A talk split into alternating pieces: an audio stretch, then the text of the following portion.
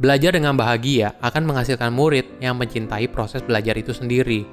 Ketika belajar tidak lagi menjadi sebuah beban, maka di situlah kreativitas dan kemampuan berpikir kritis akan tumbuh. Halo semuanya, nama saya Michael. Selamat datang di channel saya, Sikutu Buku. Kali ini saya akan bahas buku Teach Like Finland karya Timothy D. Walker. Buku ini membahas soal sistem edukasi di Finlandia yang mengagumkan. Pada tahun 2001, seorang anak berumur 15 tahun di Finlandia meraih skor tertinggi dalam tes PISA, Program for International Student Assessment. Sebagai informasi, PISA adalah tes untuk mengukur kemampuan berpikir kritis dalam hal sains, matematika, dan membaca. Menariknya, sistem edukasi di Finlandia cukup unik. Walaupun hari belajarnya sedikit dan jumlah PR yang gak banyak, tapi mampu menghasilkan murid dengan hasil PISA yang tinggi. Tim merupakan seorang guru di Amerika Serikat. Tim merupakan seorang guru di Amerika Serikat. Dan suatu ketika dia pindah untuk mengajar murid kelas 5 di sekolah negeri di Helsinki, ibu kota Finlandia. Di sana dia menemukan rahasia apa yang membedakan anak Finlandia dengan anak dari negara lain, yaitu pada sistem yang mengutamakan kebahagiaan dalam belajar. Saya merangkumnya menjadi tiga poin menarik dari buku ini. Yang pertama, kesejahteraan anak yang utama. Ketika tim pertama kali mengajar di Finlandia, ada sistem yang unik dikenal dengan nama brain breaks. Di Finlandia, setiap 45 menit, para murid akan diberikan istirahat selama 15 menit. Awalnya, tim merasa ini hal yang aneh, tapi setelah dia mempraktekannya, dia menyadari kalau para murid jadi lebih fokus. Ternyata ini merupakan cara untuk membuat otak kita menjadi lebih fresh yang akhirnya mampu mendorong produktivitas dan kreativitas.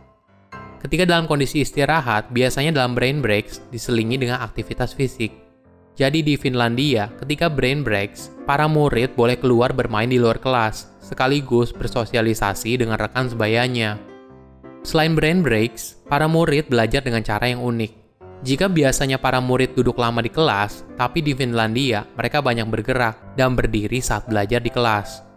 Di situ juga tersedia standing desk dan exercise ball, sehingga para murid bisa belajar sambil bergerak. Dan ketika mereka pulang, gurunya tidak akan memberikan PR yang banyak, karena waktu luang sangat penting bagi pertumbuhan anak.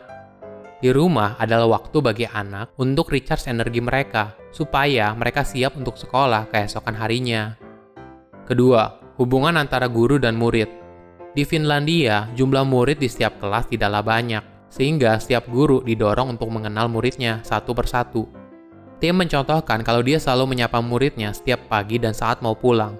Dia juga rutin makan siang bersama muridnya untuk membangun hubungan yang akrab.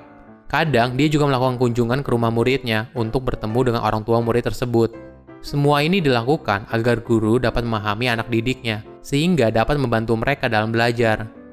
Tidak jarang juga guru di Finlandia bermain dengan muridnya, Salah satu yang bisa dicoba yaitu Human Bingo. Permainan ini bisa jadi icebreaker yang seru. Cara mainnya yaitu mencari orang yang punya deskripsi yang sesuai dengan yang ditulis di dalam kotak bingo tersebut.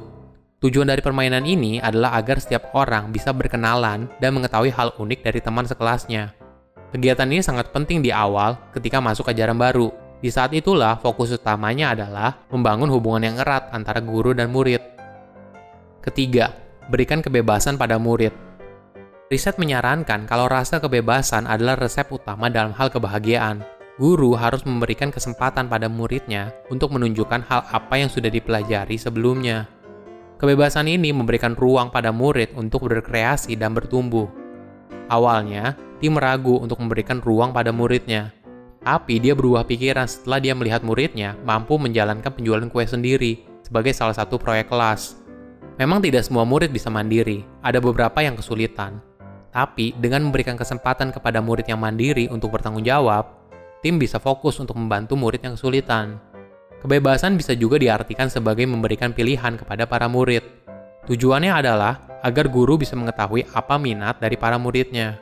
Contoh sederhana bisa seperti memberikan mereka kebebasan untuk memilih buku apa yang ingin mereka baca dan bagaimana cara mereka membuat tugasnya.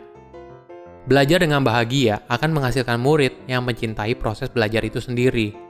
Ketika belajar tidak lagi menjadi sebuah beban, maka di situlah kreativitas dan kemampuan berpikir kritis akan tumbuh. Silahkan komen di kolom komentar pelajaran apa yang kalian dapat ketika baca buku ini. Selain itu, komen juga mau buku apa lagi yang saya review di video berikutnya. Saya undur diri, jangan lupa subscribe channel YouTube Sikutu Buku. Bye bye.